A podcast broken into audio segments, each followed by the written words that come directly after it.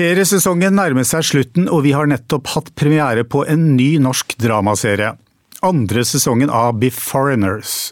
Og jeg er så heldig å sitte her sammen med serieskaperne Anne Bjørnstad og Eilif Skodvin. Velkommen skal dere være. Tusen takk. Takk for det. Første sesongen av Be Foreigners var en forfriskende nyskapning med framvandring og tidsreiser som åpnet for spennende satire. Og jeg er veldig nysgjerrig på hva målet deres har vært for andre sesongen. Uh, har, hva har dere egentlig ønsket å gå videre på denne gangen? For dere hadde jo på en måte satt et univers som, uh, som sto ganske solid, uh, og så har dere tatt noen nye grep. Ja, vi har jo det, men, men, samtidig er jo det grunnleggende målet på et vis det samme. Altså at det er jo en allegori for immigrasjon som videreføres. Det er det er på en måte en spennende krimstory. Det er sci-fi Et sci-fi-plott som fortsetter å utforskes. Så, så, så, det er jo en videreføring. Men selvfølgelig, det er jo det man, det jo det man prøver å, å, gjøre når man fortsetter en fortelling. er jo å fortsette den, men også åpne noen nye dører. Ja. Og en av disse nye dørene er jo Jeg tror ikke jeg røper for mye når jeg nevner navnet Jack the Ripper. Og det åpner det jo veldig, kan man si. Fordi det er jo noe store deler av verden forholder seg til. Det navnet der, som er mytisk. Anne, hva, hva, hva var det for å på en måte gjøre det mer internasjonalt? Å vie ut universet på denne måten. Fordi det, det gjør jo at vi må en tur til London. Opptil flere turer, faktisk.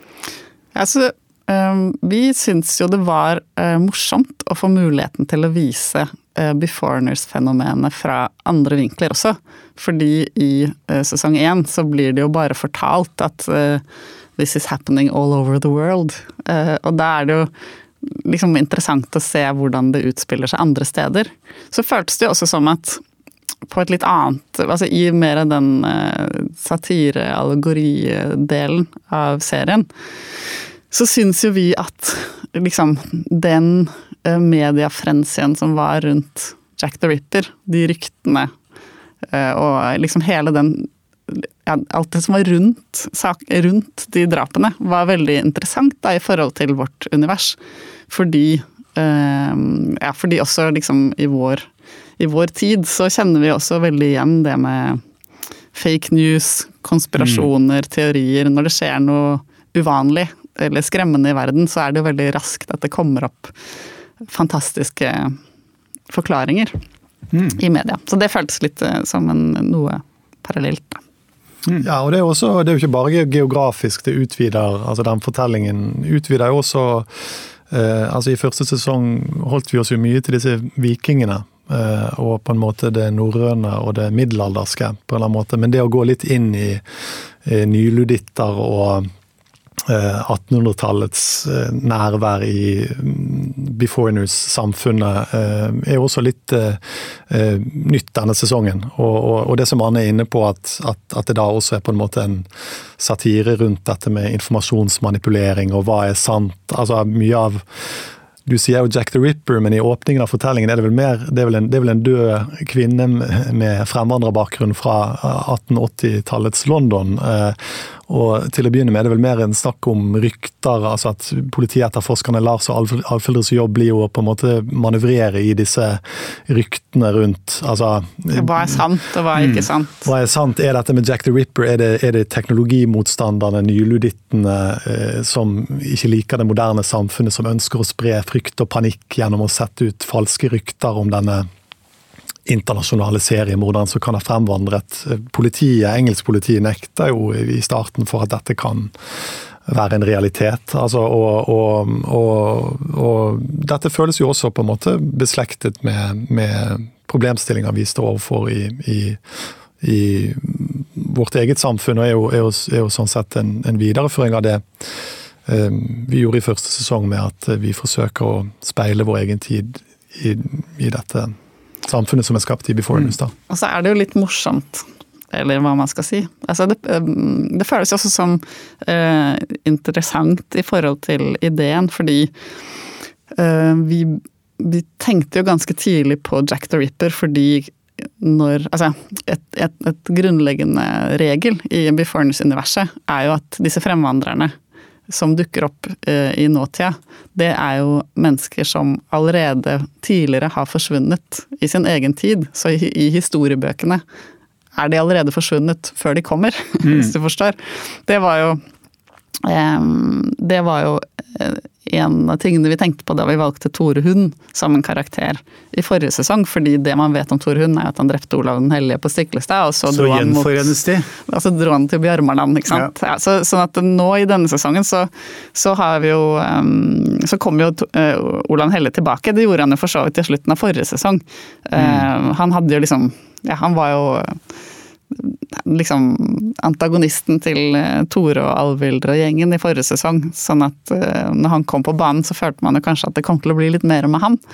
Uh, men han har jo en annen altså Det jeg skulle fram til, var egentlig bare at Jack the Ripper også var jo en sånn skikkelse som sant, mellom august og november 1888 så drepte han åtte damer i London. Og han ble aldri tatt. Og det er masse teorier om hva skjedde med han egentlig. Var det sånn at han kanskje han ble lagt inn på et mentalsykehus, sånn at han, mm. det var derfor han slutta å drepe? Eller kanskje han emigrerte til USA? Kanskje ble han drept? Eller mens, kanskje var han fremvandrer? Ja, ikke sant. Ikke ja, ja. Han reiste til nåtida. Det er liksom ja, den tanken de uh, kommer inn på her. Og så, så, har vi da Christa Kossonen og Nicolai Kleve Broch som disse politietterforskerne. Eh, og kan dere si litt om det å eh, balansere politiprosedyrer og noe som på en måte er eh, en fantastisk fortelling om fremvandring. Nå virker det jo som Christa Kossonen i denne sesongen forsøker å spille i en ordentlig krimfilm. Altså, men det mener jeg at eh, altså, I begynnelsen så var det jo kontrasten, det at hun ikke visste kjenner til koden osv., som gjør at uh, det oppstår mye komikk i møte med Nicolai Kleve. Liksom, mer, uh, altså, han, følger boka, eller i hvert fall prøver. Eh, politiboka. Men, men, det oppstår jo mye komikk der, da. Men denne gangen så, er, så, så forsøker hun å liksom bli en politietterforsker, da og gjøre det ordentlig? Ja, det går, jo litt på, det går jo litt på logikken i at hun var jo ny i jobben. Det var jo første dagen på en måte, forrige, sesong. Men hun er jo en smart dame, da, som er eh, tilpasningsdyktig. Altså karakteren Alfhilde. Eh, som, eh, sånn at hun, hun, hun, er, hun er nok mer en velsmurt, altså en del av maskineriet på en litt mer friksjonsløs måte. Fordi hun er en, en, en fornuftig person, da. Ja. Nå, nå, er hun jo f.eks. Eh, så sosialt smooth at når de begynner å snakke om Jack the Ripper i politimøtet, så er hun liksom smart nok til at hun venter til hun har Lars på tomannshånd før hun sier sånn hvem, Jeg skjønte ikke helt hvem er sjekkdripper, som hun mm. kaller han. At hun plumper ikke ut med det i møtet. Det ville hun jo kanskje gjort mm. uh, tidligere. Men dette med politiprosedyrer sånn, altså det er jo på en måte fremstilt altså Dere forsøker å ha et slags pokeransikt der, i den forstand at det skal jo på en måte være troverdig, troverdig inntil en viss grad. Dette med, med, med liksom krimplottet, hvordan politiet går frem for å etterforske, og vi har ikke sant, politihuset hvor de kurses i, eh, i, hva skal vi si, hvordan de skal håndtere disse fremvandrerne eh, for å ikke bli oppfattet som diskriminerende osv. Dette spilles jo med straight face, eh, og, og, og, det, er jo ganske morsomt. Men kan du si litt om den balansen der? Altså, altså ja, det, det, føler jeg vi kanskje er noe av det mest krevende, men også det mest interessante ved serien. Da. Fordi altså vi du, du, hvis du blir for morsom eller for lett livet, på en måte, så mister man jo så mister man jo på en måte spenningen da, i krimfortellingen. Og det, og, det, og det, jobber man jo med. altså En ting er når vi skriver, men vi jobber jo også masse med Jens med disse spørsmålene. For det er jo noe, er noe man sitter med langt Regissør Jens Liene. Ja, nettopp. Ja. Altså, man sitter med dette langt inn i klippen. Sant? Altså, hva slags, bare hva slags musikk Altså, skal man gå mørkt og stemningsfullt, eller skal man gå lyst og lett? Og, altså, det er jo en balansegang hele tiden, men, men, men, jeg opplever at det gjør det mer spennende å jobbe med serien og lage den, og, og forhåpentligvis også se på den. Jeg syns jo det selv at det er noe av det Det er jo noe av det som er litt av hemmeligheten ved hvorfor TV-serier er mer interessante nå. Altså hvis, hvis, vi tenker tilbake til liksom 90-tallet. Altså, man hadde jo noen unntak. sant? Du så Twin Peaks eller Riket til Lars von Trier da, for oss um, her i Norden, på en måte. Men, mm. men bortsett fra disse sjeldne eh, enslige svalene, så var det jo på en måte Du hadde sykehusserier eller en eh, politihuskrim eller en sitcom. Ja. altså Det var tonalitetsmessig veldig Du visste nøyaktig hva du skulle se før du gikk inn i det. Det var, det var pakket og lett forståelig, men, men, nå er jo liksom de fleste seriene nesten som er interessante, er jo hybrider på et eller annet nivå. Og vår er jo det kanskje veldig aggressivt og offensivt, i den forstand at det er en blanding av en Nordic noir og en science fiction og en eh, samfunnssatirisk komedie. Altså, Vi blander nok veldig aggressivt, og det er innslag av fantasy. sant? Altså, mm. eh, og, eh, men, men, de fleste interessante serier nå har jo en sånn følelse av hva er dette egentlig? Og det, og det, er, jo, det er, jo, fordi det også altså, Hele formatet har jo blitt brutt. Sant? Altså, man ser jo det på en annen måte. Det er ikke Altså Det kan være fem episoder, eller det kan være ti, eller det kan være altså Episodene kan være 40 minutter, eller plutselig kan du ha en på 55 minutter. altså Det har på en måte blitt eh, frigjort på en måte som gjør at man eh, blander ting man ikke før har blandet. når man har laget Men Er det sånn at det holder ikke å komme med å si at man vil lage en politiserie? Jeg tror ikke det er så lett. Da ser, da ser kanalene på deg og spør ja, men det er vel noe mer? Ja, jeg, jeg, men, men, samtidig er det klart at liksom man, man, det vil jo alltid være rom for å gå mot. Altså, kanskje vil vi eh, Kanskje neste, neste, gang vil vi ønske å lage noe veldig konservativt. Og, altså, det vet man jo aldri før man setter seg ned og prøver å altså, tenke ut noe nytt. Det jo, eh, men, men, det er jo i hvert fall verdt det, det, det, er jo det som er den helt tydelige retningen TV-serien går i. Altså mm. en, en nedbryting av både sjangergrensene, men også på en måte formatgrensene. Altså lengder og Men eh, også for oss, liksom i, i Beforeigners, som er en sånn sjangerblanding, så har vi følt at krimplottet er litt viktig, fordi vi har hatt et ønske om å ha en motor som er mer eh, konvensjonell. Siden det er så mange uh, Det er så mye galskap ja, rundt. Så det, er ja. så mye, det er så mange greier, og vi elsker jo det. At det er mange forskjellige morsomme og rare og skumle og, og liksom, elementer. Men at da trenger man kanskje noe i midten som drar det sammen, sånn at det blir lettere for folk å komme liksom inn i i den historien om det universet som er litt, uh, ja, som er litt sammensatt. Mm.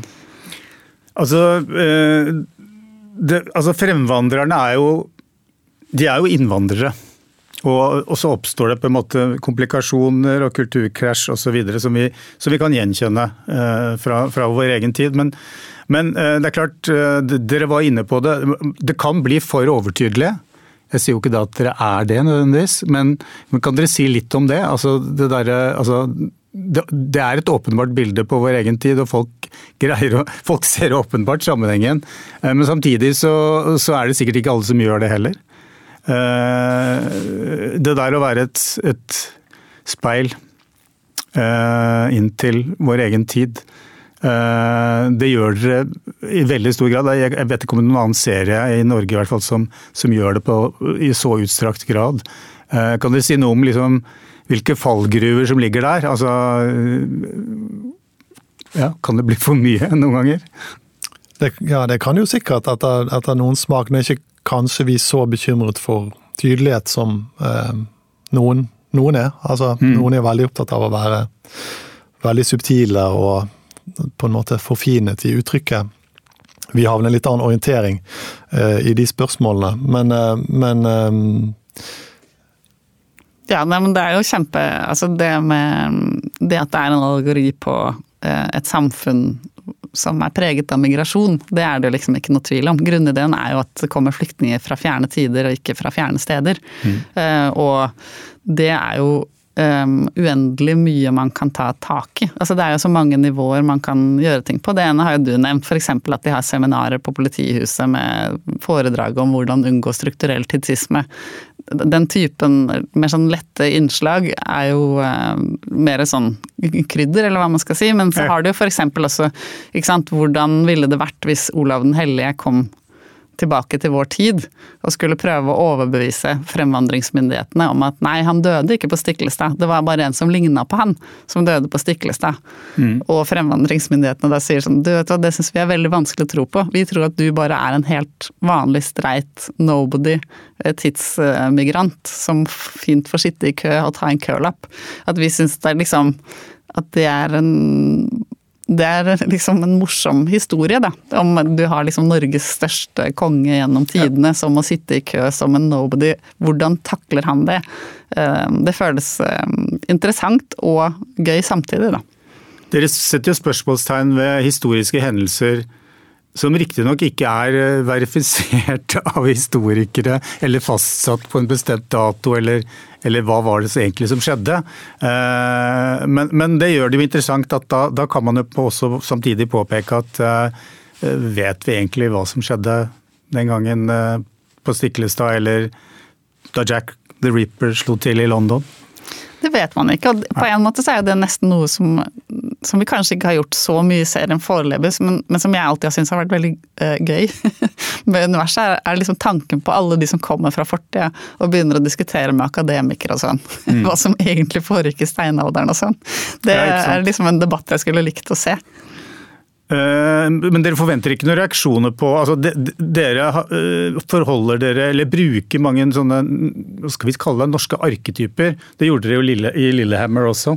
Eh, altså Her er det altså Tore Hund, Olav den hellige. altså Dere er ikke redd for å for å, å pirke borti noen sånne nasjonale arketyper som er litt betente? At satir, altså, satiren på en måte ja, tenker du at, Olav at noen blir fornærmet? Altså, ja, altså, det, folk blir jo, eller Noen blir jo krenket over mye forskjellig i vår tid. Hvis vi leser nyhetene i hvert fall, så får man inntrykk av det. Eh, men dere har ikke fått noen reaksjoner på hvordan dere beveger dere gjennom historien? Nei, At Olav hellige-fans liksom tar til mot er, det, er, det som, er det noen som tar dette universet på større alvor enn en jeg er klar over. Mm, ja, jeg har sett jeg, Vi får jo se. Vi, vi er jo liksom men, eh, men eh, En ting som var veldig interessant forrige sesong, men det går jo ikke egentlig på akkurat det her. Nei. Men det var liksom at, eh, at for serien hadde veldig sånn eh, impact, virka det som, i eh, Spania og Latin-Amerika og sånn. Og mye av tilbakemeldingene der var jo at de syntes det var helt sinnssykt med den scenen hvor Alvhild putter mose i buksa når hun har mensen. ja. Liksom, og at, det, og at det ble opplevd som veldig sånn politisk, nesten, hvis du skjønner. Eller som en sånn feministisk altså, Vi hadde vel kanskje ikke tenkt at det var det, og det ble jo ikke oppfatta som det her. Mens at andre steder i verden ehm, så, så opplever man det som litt mer eh, ja, banebrytende på en eller annen måte. Mm. Ehm, og det er jo litt interessant, selvfølgelig, å oppleve. Jeg vet ikke om det ble så opprørt akkurat, men kanskje. Og når man beveger seg gjennom historien på en så uforutsigbar måte som, som dere gjør det, så, det så, så, så, kan, så ser vi også at det er en fremvandrer som oppdager at etter hans tid så inntraff holocaust. Eh, det er et annet element dere har inne her, altså eh, en jødisk kultur. altså jid, En del foregår på jiddisch, eller jeg var litt usikker på om det er gammel-jiddisch, eller? Altså Jeg vet ikke om det er riktig å kalle det gammel-jiddisch, men det er i hvert fall rekonstruert. Eh, ja. Det er ikke liksom jiddisch sånn som det snakkes av noen akkurat nå. At man har liksom prøvd å rekonstruere jiddisch sånn som det ble snakket i Whitechapel av noen wow. som hadde kommet fra Jeg tror det var Ukraina, jeg husker ikke om det var Ukraina eller Litauen. Altså det var liksom helt spesifikt valgt liksom en, eh, en linje for hvordan den jiddischen skulle være. Så det går såpass grundig til verks, ja?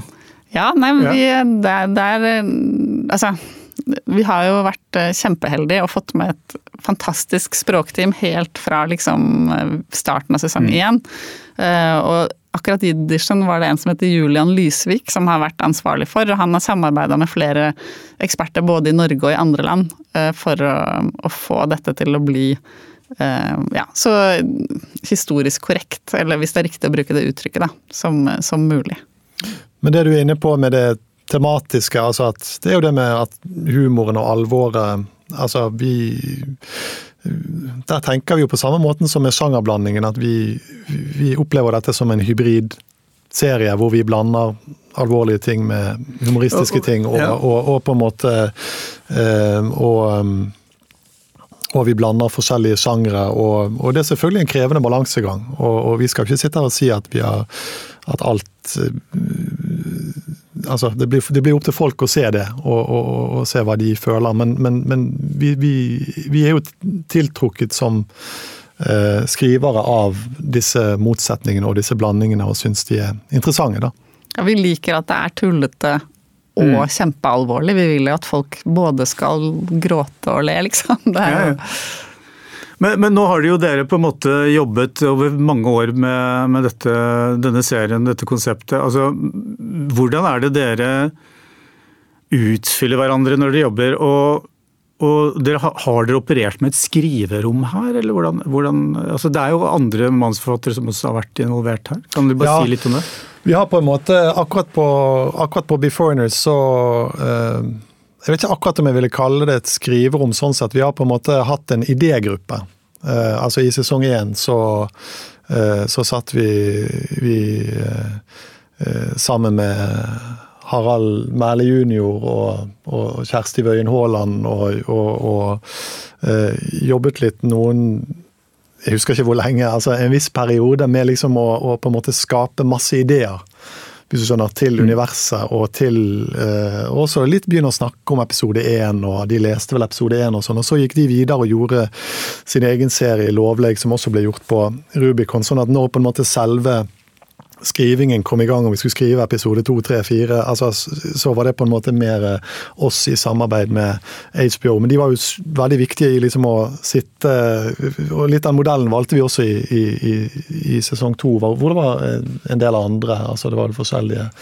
Ja, Bademaren Skolem Harald, ja, Harald, var Harald, var inne da også, og, og, og, vi hadde også med oss eh, Thomas Solli. og Mats eh, Stegger var innom en altså, periode. Det, for, for, unge forfattere vi har jobbet med i litt andre prosjekter. Men det var litt tilsvarende at vi, at vi hadde sånne idégrupper som på en måte eh, jobbet i en slags startfase med å generere hva skal jeg si, mange eh, liksom Det er litt før du går inn og at man prøver å bygge ut universet og mulige karakterer og, og, og, og mulige plottlinjer. da, på en måte, og så, eh, og så når selve skrivingen begynner, så har vi, har vi, gradvis på en måte gått mer inn og gjort, gjort den delen selv, da. Mm. Og vi har jo på en måte prøvd mye forskjellig helt fra Lillehammer og liksom, altså Da vi begynte å skrive sammen, så prøvde vi jo veldig mye forskjellig. At vi skrev annenhver scene, eller vi skrev alt fysisk sammen. Men vi endte jo opp med at det er best at en person skriver et helt utkast selv, mm. eller alene, og så at den andre kan komme inn og jobbe med rewrites og scener etterpå. Men at det må få liksom en episode til å bli et sammenhengende verk, liksom, da trengs det en hjerne som drar trådene sammen, eller altså at det, i hvert fall for oss, har blitt liksom det. Sånn at i dette prosjektet så er det Eilif som skriver førsteutkastene på alle episodene. Mm. Ja, jeg, jeg, kaller dere jo serieskapere, og det er dere jo. Eh, men klart serieskaperbegrepet er jo litt sånn uklart. Det, det, er litt sånn på vei i forskjellige retninger, har jeg inntrykk av. Eh, og det er veldig mange som har blitt serieskapere. Eh, men dere har også jobbet med Jens Lien her, og i utforming av det visuelle. Og kan dere si litt om, om det samarbeidet, og hvordan på en måte Uh, altså det, det, det, krevende med å måte få satt det visuelle universet. Uh, som jo på en måte i utgangspunktet ville være kostbart. Altså tidsreiser og mye kostymer etc. men er, jeg går ut fra at det er, det er, en kunst dere har vært nødt til å lære dere å beherske det der opp mot å holde, holde det på et relativt lavt kostnadsnivå. Ja, altså Samarbeidet med Jens er jo altså Du sier jo det er serieskaper. Jeg tenker jo sånn som nå i sesong to, så er det jo altså Det er jo vil det være naturlig å si at vi er tre eh, mm. serieskapere. sånn, altså Vi har jo jobbet Jens uatskillelig fra altså Vi sitter jo sammen, vi tre, og prøver ja, og, altså, altså, skal du Så har man jo ansvar for forskjellige deler. Sånn, sånn som Anne sier, hvordan, hvordan, hvordan hvordan snakker disse folkene? Hvordan, hvordan er språket deres? Er det naturlig at vi sitter mye med det siden vi er nær manuset. Sant? Men så sitter jo Jens ja, men hvordan kler de seg? Altså, det er jo en del av nøyaktig det samme. Mm. Det, det, og hver, hver, karakter er jo liksom at det sier jo ikke bare noe om hvilken tid du kom fra, men det sier også noe om hvem du er. Altså, hvem du velger å være der du er nå. Ja, Når denne personen har kommet til nåtiden, er den en sånn person som går i mye tradisjonelle klær, eller blander den litt klær, eller gjør den altså, alle, alle, alle, Hele dette universet blir jo til eh, Men, men altså, Jens kom jo inn i, i sesong én, og ja, vi hadde vel da skrevet en to-tre manus og hadde jo på en måte var i gang med universet, men han, han Vi fant jo veldig raskt ut av hvordan vi skulle jobbe med han, og det fungerte veldig bra. Og da, etter hvert så har jo vi blitt en da gjeng som sitter og tar stilling til disse spørsmålene mm, mm. sammen. Ja, for vi, for vi um, var jo veldig glad uh, for at Eh, vi fikk med Jens, fordi vi tenkte at eh, nettopp litt det du var inne på, det er jo en sci-fi, men hvordan skal, hva slags type sci-fi? Vi, vi, har jo alltid tenkt at den skal være litt grounded, eller hva man skal si. At det ikke skal være en så sinnssykt mye greier, men at det er mer de små, nære tingene eh, som skal vise at dette er noe annet enn den vanlige hverdagen vi lever i nå. Og vi følte liksom at Den brysomme mannen er en sci-fi-film som mm. Eh, er på den måten. At den må liksom ja, Vi var jo veldig fan av den, og det var jo liksom av, et av motivene for å ta kontakt med, med Jens. Og, og, og, han har jo liksom vist det at han har en sensibilitet i forhold til å lage eh, science fiction innenfor de mer skandinaviske rammene, da, sånn som mm. du er inne på. Altså, mm. at det går ja, det at språk er kjempeviktig. ikke sant? Det henger jo sammen med hovedideen at hvis du hvis det er en algori på et migrasjonssamfunn, så vil du jo høre at folk snakker annerledes enn andre. altså Avhengig av hvilken gruppe de kommer fra. Så det ble liksom kjempeviktig del av et virkemiddel i sci-fien, på en måte. Det mm. språkarbeidet. Men på samme måte også alt dette med klærne og ja, alle, mm, alle disse tingene har jo vært eh, Vi jobba jo utrolig mye med det forrige sesong å finne ut, og vi var jo veldig redd for det, ikke sant. Altså sånn, hvordan skal man få de som ser på til å tro på at disse menneskene faktisk kommer fra en annen tid. Ja. Det er ganske sånn grunnleggende for at det skal fungere. Eh, og kommer vi til å greie det? Det var jo veldig, veldig nervepirrende. Ja, fordi i forhold til det han er inne på med språket, sant? det er jo ikke bare et språk, det er jo også en aksent. Altså, ok, snak, altså, hvordan snakker du gammelnorsk? Ja, da kan vi snakke med Og lære, ja. lære, det og få det oversatt, liksom. Men så er det Ok, men hvordan snakker denne personen nåtidsnorsk? Når den Altså, mm. har den sterk aksent? Har den Prøver den å skjule aksenten sin, eller altså, altså, det er jo veldig mye praktisk. Altså, eh, og, og så er det jo veldig morsomt også, sånn som for i den, ikke sant, det med at du F.eks. at de norrøne snakker norrønt i dag. Det var jo veldig gøy bare det å ringe til han Alexander Lykke, som er vår norrøntekspert, var jo veldig gøy, fordi jobbtilbudet kan du hjelpe Kan du oversette noen replikker fra norsk til norrønt. Det, ble mm. han sånn, Det hadde han aldri blitt spurt om før, for han har jo alltid oversatt gamle norrøne tekster til nåtidsnorsk. Men sånn som denne sesongen f.eks., så har det jo at det kommer en sånn fan bort til eh, på, på venterommet på Fremvandringsdirektoratet, så kommer det en sånn ung fan bort til Olav eh, den hellige og spør om å få ta gruppeselfie. Og da høres det jo også litt gøy ut når de snakker norrønt, og plutselig kommer liksom ordet 'flokka-selfie' liksom inni der. Og det, det, er jo, ja, det er jo liksom parallelt til du, man opplever jo stadig å sitte i nærheten av folk som snakker et språk man ikke forstår, og plutselig kommer det et ord som du forstår.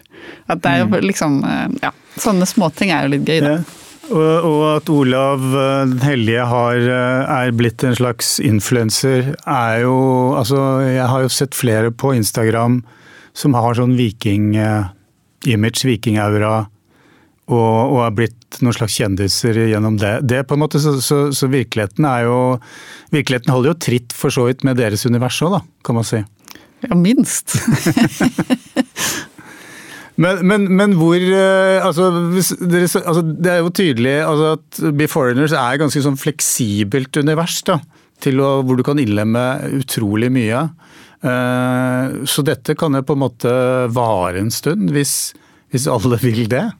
Ja da, det er, jo, det er, jo, helt klart mulighet for det. Altså, det er jo på en måte en vanskelig serie å lage, for det er masse talenter fra forskjellige deler av verden med travle timeplaner. og Det, det, det er, liksom, det, er jo ikke gitt at man, man, klarer å få det i havn uh, hver gang. Men, men, men sånn, som forfattere så føler vi jo at den på en måte er en av de enklere historiene. og se for seg at den kan rulle videre, fordi du kan åpne mange dører. Sant? Du har mm. tre tidsepoker, du kan gå inn i en ny tidsperiode. Eh, altså, det er klart, I forhold til andre serier vi har laget, altså har du en mafiaboss på Lillehammer, så har du på en måte en mafiaboss på Lillehammer, og det er ikke helt opplagt hvilke andre altså, eh, eh, dører en sånn fortelling eh, kan gå inn i før du på en måte fjerner deg fra kjernen, på en måte. Men, men, men, hvis kjernen er dette samfunnet hvor det kommer folk fra fortiden inn til oss, så er det klart det, det er mange muligheter er det jo helt klart til å gjøre nye sesonger og nye fortellinger. Og, og, Barcode er jo da et slags eh, hva skal vi si, Det er vel ingen serie eller film som har, har brukt det så mye som et slags uh, skal vi kalle det, som et, som et, bakteppe øh, og et slags symbol på det moderne Norge, da, som blir innhentet av fortiden sin.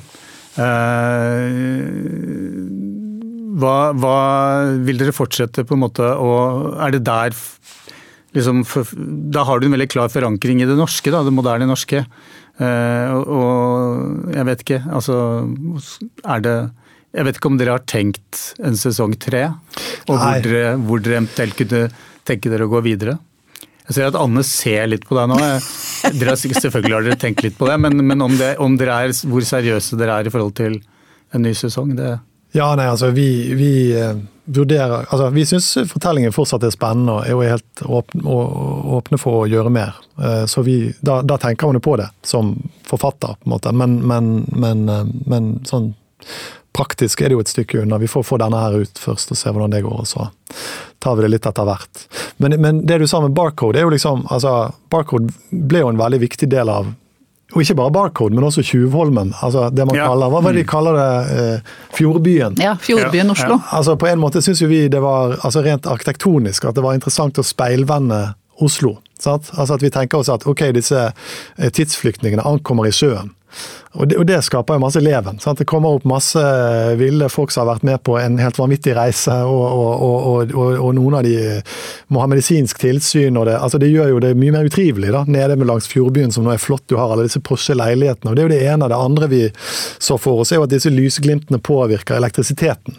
Mm. det er ikke så mye diskutert i serien, men du ser jo at ofte når Lars er inne, så blinker det i lamper, og, det er masse eh, skyskrapere hvor strømmen har gått helt. og altså, sånn at vi så for oss en sånn eh, interessant At, at liksom disse årene med disse glimtene i vannet har liksom speilvendt byen vår, sånn at på en måte slummen har blitt flyttet ned i alle disse eh, altså Hva heter det, Rensopiano-bygget nede på Tjuvholmen, eller, eller Snøhetta sin operabygning, eller eh, Barcode. Rekken eller, mm, mm. eller Sørenga. Altså at, at, at, på en måte det som det som nå er post og rikt på en måte i vårt Oslo, da, i Before News-universet, er, er, blitt en form for slum. da, Og at, og at det der eh, de som har det mest vanskelig i samfunnet, eh, holder til. Mm. Uh, og mm, ja, Det er selvfølgelig også en veldig sånn effektiv måte å vise at det er i framtida. Liksom. At det er en, ja. et veldig sånn visuelt slående måte at ja, Oi, det så, så helt annerledes ut. ja, ja, ja. I, i Joachim Triers 'Verdens verste menneske' så er det jo en av karakterene som innrømmer at han faktisk liker Barcode. Det er liksom eh, det er det ingen andre som gjør, men, men dere liker eh, Barcode. Eh, I hvert fall så fungerer det jo utmerket i, i serien. Ja, dere. man gjør det på et nivå, men det er også, det er jo en form for dystopi også, da, i hvordan ja, ja. det ser ut mm. i vår serie. Så det er vel kanskje både òg. Men, men, men ja, vi er intrigued av barcode, hvis man kan formulere det på en litt annen måte. Ja. Jeg har ikke noe mer å spørre om, egentlig, akkurat nå. Så eh, jeg takker og bukker for at dere kom. Takk for at vi fikk komme. Takk for oss.